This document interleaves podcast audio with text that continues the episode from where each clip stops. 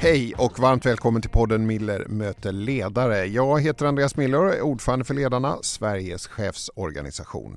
Vi är nu över 98 000 medlemmar och det vet du att hos oss så kan du bli en bättre chef och vi står bredvid och bakom dig när det blåser. Vi sänder live, så till dig som är med oss i detta nu och både ser och hör oss i vår studio, ett extra stort välkommen och du som tittar i efterhand, eller lyssnar i efterhand ska jag säga, är förstås också varmt välkommen. Dagens gäst har gjort en karriär inom nya digitala plattformar där du och jag både konsumerat och konsumerar populärkultur. Min gäst är Michel Kadir, Sverigechef för Youtube och med tidigare chefserfarenhet från både Spotify och Sony. Välkommen hit Michel! Tackar! Hur känns det att vara här? Jätteroligt. Du älskar att jobba på techbolag. Du är entreprenör, du är känd för ditt engagemang för innovation och mångfald och du har ju funnits på vår lista Framtidens kvinnliga ledare för unga chefer och eh, unga kvinnor som är chefer ska jag också säga. Och idag sitter vi här och jag tänkte att vi skulle prata om hur den snabba digitala utvecklingen utmanar ledarskapet. Hur upprätthålls etik och moral med en utveckling där allt mer kan manipuleras? Vem är avsändaren egentligen kan man ju fråga sig. Och hur tänker ditt bolag Youtube kring de här frågorna och hur tänker du? Och AI som alla snackar om, är det ett hot eller är det en möjlighet? Hur känns det att snacka om det här? Ja, men det känns jättebra och aktuellt. Ja. Du har ju haft en imponerande resa Michel. Eh, allt från Spotify till att vara en nyckelperson på Sony där du varit drivande i den digitala utvecklingen till att nu leda Youtube i Sverige. Men innan vi dyker in i bolagen och allt det där så läste jag lite om dig och det finns en, en händelse. Du och din familj eh, står på Atens flygplats. Du är nyfödd, du vet inte ens att du är där. Eh, och din familj är på flykt. Och här sker ett val som i mycket kommer att avgöra ditt liv. Berätta. Mm. Ja, men det stämmer. Mina föräldrar eh, som kurder då flydde kriget mellan Iran och Irak. De är som kurd väldigt utsatt. Eh, det gäller fortfarande. Men de flydde och eh, min mamma var gravid. Eh, och det, att fly är inget som går över en eh, dag utan det tog sin tid. Eh, så när jag var sex månader så hade de kommit fram till Atens flygplats och stod då inför valet, eh, ska vi välja Sverige eller Tyskland? Mm. Um, och det var ett beslut som de tog eh, väldigt snabbt uh, och lite på impuls. Um, de hade fått höra någonting bra om Sverige som gjorde att, ja men vi tar Sverige. Uh, vet, vet du vad de hade hört? Ja men de hade, jag tror att de hade hört att det var väldigt bra, välrustat för när man väl uh, kommer fram. Mm. Vilket det också var. Eh, så att eh, vi hamnade i Stockholm eh, och jag är väldigt glad över att vi hamnade i Sverige. Eh, och, och, det här är, om vi backar, hur, hur, vilket år är det här? 1982. 1982 och du är alldeles nyfödd ja. och du vet inte att du hamnar i Sverige men det är här du växer upp. Ja. Du, den här, den här berättelsen då, eh, hur har den påverkat dig? Men väldigt mycket tror jag, eh, eller vet jag. Det är på två sätt skulle jag säga. Det ena är ju att det har påverkat hela mitt liv i form av vad jag har bildat familj någonstans, vad jag har haft karriär, vad jag har vuxit upp eh, och blivit svensk medborgare med allt vad det innebär och inte då eh, växt upp i Mellanöstern där det är väldigt tufft att leva och växa upp. Särskilt eh, ja, men som kurd hade det varit en helt annan, eh, ett helt annat liv. Så för det är jag väldigt glad, evigt tacksam, påverkat mitt liv avgörande. Mm. Enormt. På det andra sättet som det har påverkat mig är mer personligt. I den personligheten och det, det, de drivkrafter jag har fått av att kunna se eh, och ha vuxit upp med två föräldrar som var 23 år, kom till Sverige med en bebis och en resväska. Mm. Och hur de har kämpat och hur det på något sätt har eh, fått mig att ja, men, verkligen se på på livet på ett annat sätt och hur man ska faktiskt anstränga sig. Och de drivkrafter som finns då inom en kan påverka allt och kan göra, man, kan, man kan bli vad som helst, man kan göra vad som helst. Man måste bara hitta drivet. Så det har varit en väldigt viktig faktor och kanske är i, i, ja, men är i din personlighet. Ja men det tror jag. Ja. Absolut. Du, det här när du säger det här att, att, att vara kvinna och växa upp här har varit en helt annan sak än att vara kvinna och växa upp därifrån ni flydde. Har du kontakt med kvinnor i det sammanhang ni flydde ifrån? Mm. Jag har kusiner och mostrar och morbröder. Eh, jag, jag hade mor, mormor och morfar och, och farmor. Eh, de lever inte längre men jag hade, jag hade kontakt med dem. Så jag har absolut haft eh, bra koll. Och när, vad händer då när ni jämför hur det är? Men det är helt andra förutsättningar. Eh, Ja. Om du växer upp på en plats där du inte har samma ekonomisk, ekonomiska förutsättningar, inte samma socioekonomisk trygghet, om du inte har tryggheten i att veta kommer det bli ett anfall eh, från Turkiet imorgon eh, eller kommer Irak gå in med trupper? Ja, men liksom bara den vetskapen, Mm. det kan vara krig vilken minut som helst. Mm. Det gör ju en helt annan, det skapar en helt annan förutsättning för vad du gör med ditt liv. Då handlar det mer om överlevnad och trygghet och secure än att faktiskt bygga. Och jag tror att det är det som är eh, så sorgligt att se att, att eh, det är så många länder i Mellanöstern som inte får chansen att bygga. Du, eh, som kvinna ger ju du dig sen då in, om vi, nu går vi snabbt fram så att Ja. säga, men, men du gav dig ju in i en väldigt manlig bransch får man ju säga då, traditionell datateknik. Hur, hur var det att kliva in där eller varför gjorde du det? Vad var det som drev dig in i det? Men jag hade eh, ett stort intresse. Mina föräldrar då, båda lärare vid den tiden, eh, tog hem en dator ganska tidigt när jag var ung tonåring. Så att jag satt liksom med den datorn hela tiden och spelade spel, jag laddade musik, jag var på Ja men på internet. Det var ju, nu måste vi ändå säga att det här var ju i mitten, slutet av 90-talet. Så Ja, det var ju ja. stort. Ja, Eh, och det blev liksom hela min värld för att jag såg att det fanns en annan värld på något sätt. Eh, väldigt intresserad av tech. När jag då sökte till KTH, eh, jag reflekterade inte över att jag var eh, unik som tjej att söka till KTH och datateknik specifikt, utan jag tänkte så här, det här är ju jätteroligt, dels är jag intresserad, Mm. men dels så är ju det här framtiden, det är ju här dörrarna kommer att öppnas. Här kommer det ju ske massor.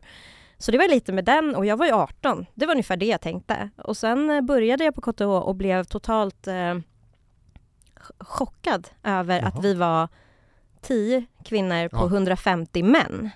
Eh, och, och jag hade ingen aning om att det skulle vara så. Eh, och eh, Vad, jag- hände, vad hände med dig då? jag, helt ärligt, de två första veckorna t- ville jag sluta. För jag kände mig så, jag kände mig som en alien. Mm. Det här var, dels var det väldigt många eh, av de här unga männen som hade ett enormt försprång i att de, hade, de var ju liksom superduktiga hackers redan. För Mm. de hade ju Mm. suttit och kodat. Ja, det hade inte jag gjort. Mm. Jag hade ju konsumerat och varit aktiv liksom i mjukvara med datorer. Du hade varit i en annan del av gränssnittet? Ja, exakt. Så att jag blev helt dels chockerad. Så här, jag är inte längre bäst i klassen. Vad är det som händer? Eh, och jag är typ ensam tjej och jag tillhör också en annan underrepresenterad grupp i att jag har en annan bakgrund. Så jag kände mig bara helt malplacerad. Och jag sa till mina föräldrar, jag hoppar av, det här är inte för mig. Och så gjorde du inte det ändå? Nej. Vad var det som fick dig att stanna? Mina föräldrar, Okej, de verkligen motiverade Michelle, du mig. sitter kvar. Ja, liksom inte, inte så, utan verkligen motiverade mig till eh, du kommer klara det här. Du är inte sämre än någon annan. Du kommer klara det här, du behöver bara sätta igång. Och gud vad de hade rätt. För att jag menar bara efter ett år kände jag helt plötsligt att så här, ah, jag fattar, jag klarar det här och jag är lika bra som alla andra, det är okej. Eh, att jag inte hade alla den här förkunskapen eller att jag inte är man eller, eller vit. Hur var alla killar runt dig då? Hur tog de dig? Hur betedde de sig? Nej men, alltså, snälla, trevliga. Eh, det är väl som i alla grupper, det finns alltid olika sorters individer. Men det var, inte, det var inte någon sån generell upplevelse att jag kände mig utfryst. Det var inte det det handlade om. Det handlade mycket om känslan hos mig. Ehm, och sen så hittade man ju sitt gäng till slut, av de man kopplades ihop med. Och du använder ett så starkt ord som att du älskar att jobba på techbolag. För Mm. det är det du har gjort sen. Mm. Vad, är det, vad, är det, vad är det som gör att du säger så? det finns något otroligt vackert i att se världen som sin spelplan och också inte se hinder för morgondagen. Att något, någonstans se att ja, det här finns inte än, men vi kanske kan förändra det. Låt oss skapa det. Och, och den liksom, dels energin, drivkraften, vetskapen och det man då sätter rent muskelmässigt in i den frågan tycker jag är så fantastiskt. Man ser liksom inga hinder och förändring är positivt. Mm. Du, av alla bolag som du har jobbat på, där har du innoverat, du har skapat nytt och förändrat beteenden har du ju varit med tillsammans med många andra förstås, och för hela generationer. Hur vi konsumerar, ja, vi har skapat nya vanor. Vad, om, du, om du skulle tänka runt de här, det här när du har innoverat och så, vad är de viktigaste förutsättningarna för att driva innovation? Eh, man måste vara väldigt förändringsbenägen. Eh, man behöver vara effektiv och man behöver vara målinriktad. Eh, man behöver förstå människor, man behöver förstå samhället och man behöver ha en vision. Det där kan ju låta fint, men alltså liksom, hur jobbar du då med, med, vad krävs av dig som ledare för att få till stånd allt det där? För att förändringen kan man säga, den är, den är ständig. Det är ju egentligen det vi, förändring pågår hela tiden. Det gäller ju för oss att hitta ett förhållningssätt till den och det är ju inte alla som det finns, ju, det finns ju väldigt olika förhållningssätt till mm. förändring. Då. Mm. Hur, hur jobbar du som ledare? Men det skulle jag säga i steg. Mm. Eh, det första steget är att Eh, ta fram datan och förstå vad är det vi vill förändra och varför. När du har gjort det behöver du också förstå de människorna som du ska prata till. Vad är det möjligtvis som de skulle kunna vara oroliga för? Vad skulle det kunna vara som gör att de inte vill att den här förändringen ska ske? Identifiera det och adressera det. Och sen så måste du hitta den strategin du vill kommunicera, men på det ha liksom en visionär eh, kunna, vara visionär kring det och kunna inspirera, engagera och motivera. Och jag tror när man har då lagt fram fakta, när man har visat vägen och man förklarat varför, när du har fått människor engagerade och inspirerade, då är de motiverade. Och är man motiverad, då, gör man ju, då klarar man ju vad som helst. Jag tänker så här att på ett plan så kan man ju tänka då att du kan ju du kan tänka innovation gentemot kund. Mm. Alltså vad kommer den här kunden, kommer den här kunden fatta det här? Kommer den här kunden eh, liksom gå all in på det? Mm. Liksom, vad kan det finnas? Där är en sak.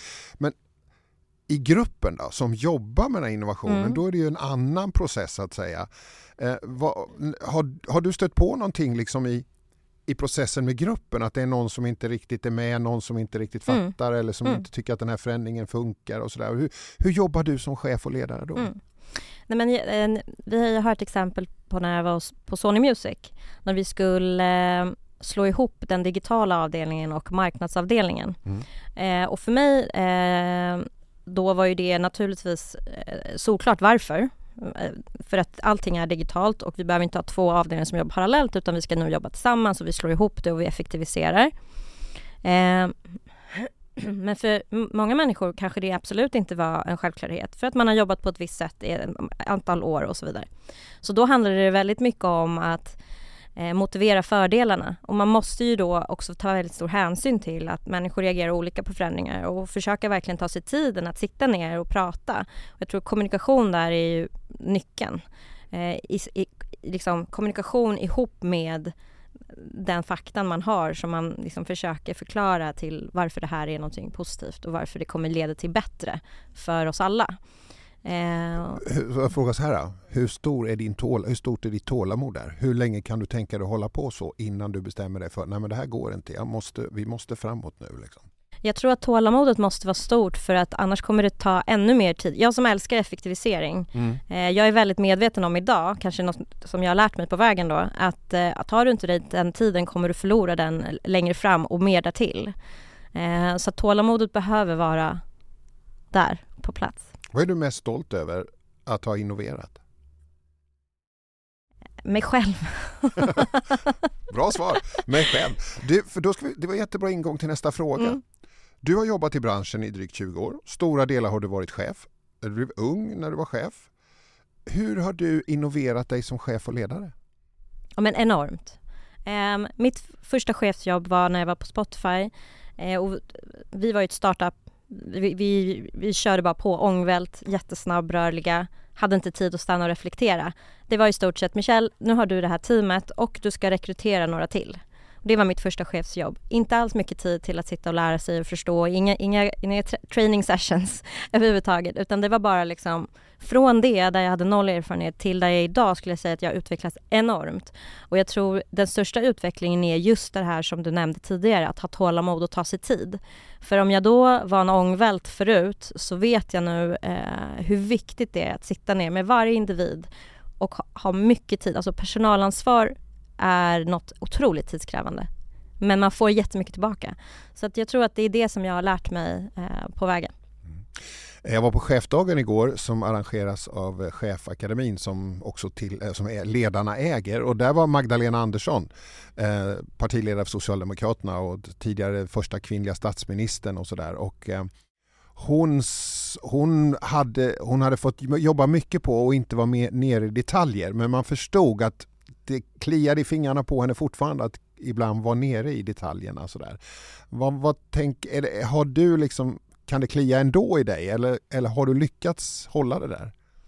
Ehm, jag tror där har jag hittat min inspiration ifrån att jag haft chefer som inte har kunnat hålla sig eh, borta mm. och chefer som har kunnat. Så jag har haft både och. Så jag vet skillnaden. Så jag har kunnat inspireras väldigt mycket av vad jag ser har varit mest effektivt. Eh, jag tror det är så otroligt viktigt att inte vara en micromanager utan att ge förtroende, ge ansvar. Eh, och där tror jag steg ett är att man måste rekrytera rätt. Mm. För gör du det och du känner dig trygg med ditt mm. team mm. så kommer du kunna säga kör. Du, när du och jag sitter här och pratar så pågår det ju ett krig eh, mellan Israel och Hamas eh, och mellan Ryssland och Ukraina och det känns ju fruktansvärt och vi ser fruktansvärda bilder. Och det första som offras i krig brukar man säga är ju sanningen. Propaganda, fake news sprids som aldrig förr. Jag såg igår artiklar om eh, AI-bilder från de här krigsscenerna som vi kan bedöma nog inte är sanna och så.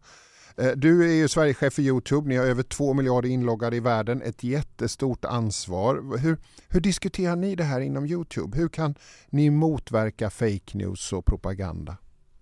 Nej, men vi har ju väldigt tydliga regler för mm. vad som finns på Youtube. Och eh, vi arbetar med det både med maskinlärning, det vill säga att vi kan identifiera videos som bryter mot våra policies mm. eller mot nationell lagstiftning redan innan det har kommit upp eller har fått en till tio visningar. Så majoriteten tas bort redan där. Sen har vi 20 000 människor som jobbar dygnet runt med att identifiera eh, klipp som har hatfullt innehåll eller som har eh, absolut för mycket våldsrelaterat innehåll eller på något annat sätt bryter mot våra policies. Mm. Så att det är otroligt viktigt för oss. Samtidigt som det är viktigt för oss att vara en öppen plattform där man ger alla en röst och där man, eh, man ser till att demokratisera världen och vad som sker över världen så är det lika viktigt för oss att se till att våra eh, tittare är trygga mm. när de tittar. Men vad tänker du om det här? Jag, menar, jag, jag såg igår liksom en bild från, eh, från Gaza som liksom var påtagligt, den var monterad eller AI, AI framställd. Mm. Liksom.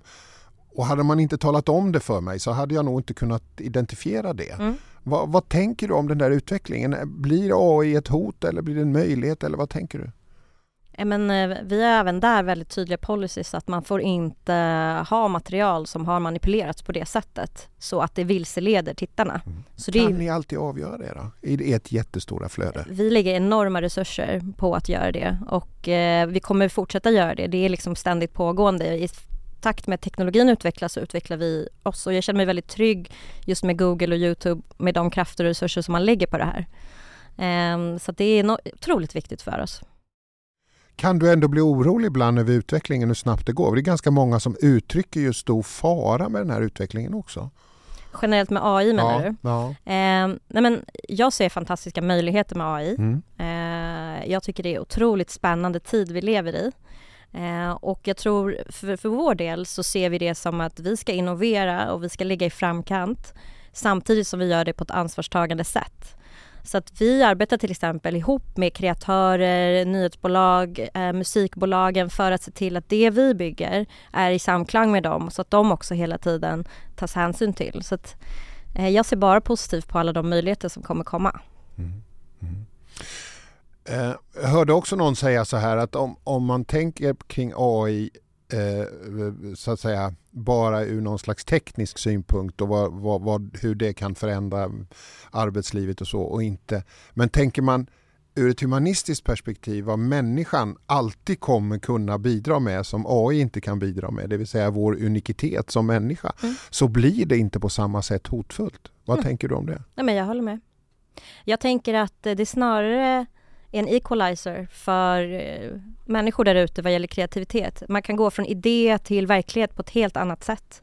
Um, där man tidigare kanske behövde lägga 10 000 timmar kanske man nu kan komma till den här idén och skeppa den snabbare än någonsin. Och tänk vad mycket då man kan skapa som är då bra för världen, bra för människor. Du i vårt förbundspolitiska program på Ledarna som heter Ledarskapets värde Eh, för en hållbar värld så betonar vi betydelsen av att bredda bilden av vem som kan och vill bli chef. Eh, vi, vi, vi pratar ju om att ska man klara samhällsutmaningar så måste vi bryta med den invanda bilden. Den är väldigt mycket som jag, en vit medelålders man. Eh, och man kan säga att du i din person identifierar eller visar på en annan bild kvinna, kvinna med en annan bakgrund än traditionellt svensk. Och jag vet att du har jobbat ganska mycket med mångfaldsfrågorna. Hur, hur, hur viktigt är det för dig att, att vi ökar mångfalden och breddar bilden av vem som kan vara med? Nej men alltså otroligt viktigt. Um, det finns väldigt mycket att säga om det här såklart, men, mm. men rakt av otroligt viktigt och jag tror att sättet man ska se det på är att på en arbetsplats eller ja, vart som, där olika perspektiv, erfarenhet eh, och egentligen bakgrunder värderas och respekteras. När det görs, då kan fantastiska saker ske. När paletten är eh, många färger eh, och inte, inte enbart två färger till exempel. Mm. Nu pratar jag metaforiskt med en färgpalett här. Mm. Eh, så kan bilden bli otroligt mycket vackrare. Eh, och någonstans så handlar det om inkludering, att motverka utanförskap, att se värdet till alla människor, att se hur det kan bidra.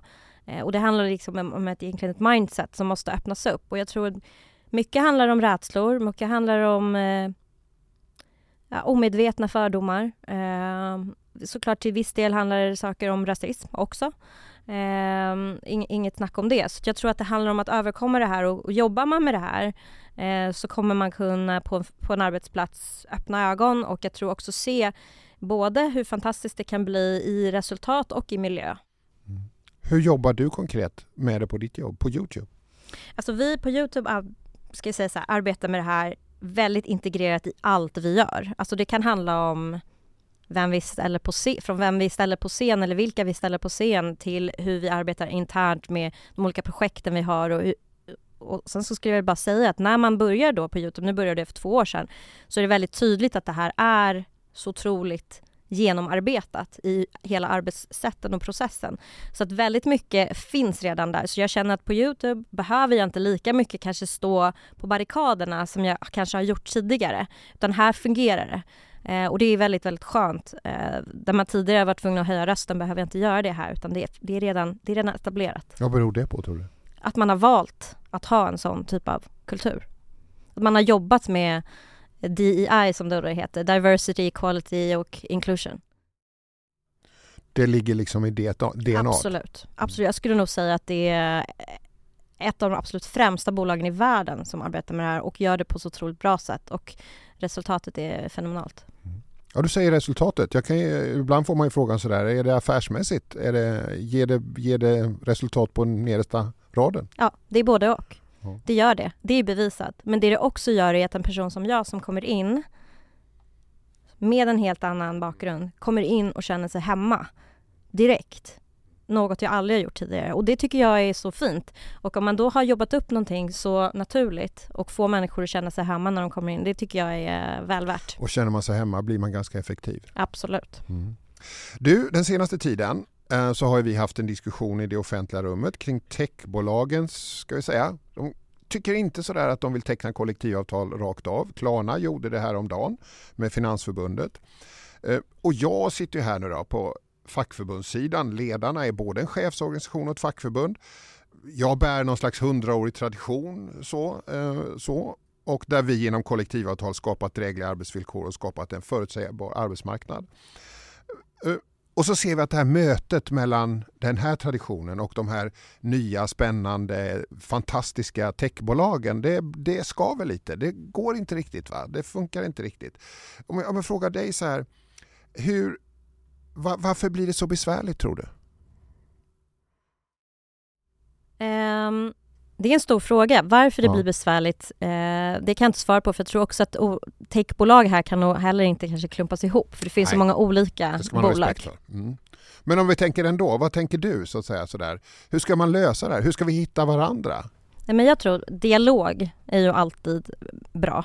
Det är Mm. det man behöver ha. Och eh, ja, men jag kan ju bara tala för Google här då. Mm, Eh, jag själv är inte liksom, ansvarig för de här frågorna men jag kan bara berätta att vi har ju sådana så kallade work councils över hela Europa men också i Sverige där det finns representanter som representerar de anställdas intressen Mm. och de då sen har löpande kontakt med väldigt många fackliga organisationer och, jag, och det, det är någonting som vi har. Mm, mm, mm. Nej, men för jag kan ju tänka sådär också, jag kan tänka utifrån min horisont att vi som har en hundraårig tradition, liksom, vi behöver också tänka hur skapar vi moderna kollektivavtal som kanske ja, men så är ännu mer individorienterade och som liksom tilltalar en bransch som är väldigt eh, liksom, innovativ och rörlig och Mm. flexibel. Och där har vi ju ett jobb att göra Mm. tillsammans tänker jag Ja. framåt. så. Mm. Du, ehm, eh, Eh, så här, vi har ju varit inne, vi pratade ju alldeles nyss om det här med mångfald och inkludering och så och det är ju ganska många chefer som antingen lyssnar nu eller så lyssnar man i efterhand och sitter och jobbar kanske med de här frågorna och funderar på hur ska vårt företag förändras, hur ska vi kunna jobba med de här frågorna? Eh, vilka råd skulle du ge andra chefer som strävar efter att skapa arbetsplatser med mångfald och inkludering? Mm. Mitt första råd är bara gör det. Eh, men mitt andra mer konkreta råd är eh, om du känner dig eh, att du inte riktigt vet vart du ska börja och att du kanske du tycker att vissa frågor är svåra eh, så tycker jag att man kan ta in, det finns fantastiska eh, föreläsare och coacher som hjälper företag komma igång med hur man ska jobba med mångfald och inkludering och hur man gör det på rätt sätt. Jag tror det är steg ett. Och då tror jag att man som ledare kommer bli väldigt inspirerad till att, att fortsätta och då kommer man hitta de rätta verktygen för just sitt eget företag. Eh, jag tror där. Så ett, bestäm dig för att börja och två, boka in eh, experter på området. Och sen då? Och sen kommer det se en fantastisk arbetsplats växa fram och eh, resultat. Men kan man inte möta hinder på vägen då?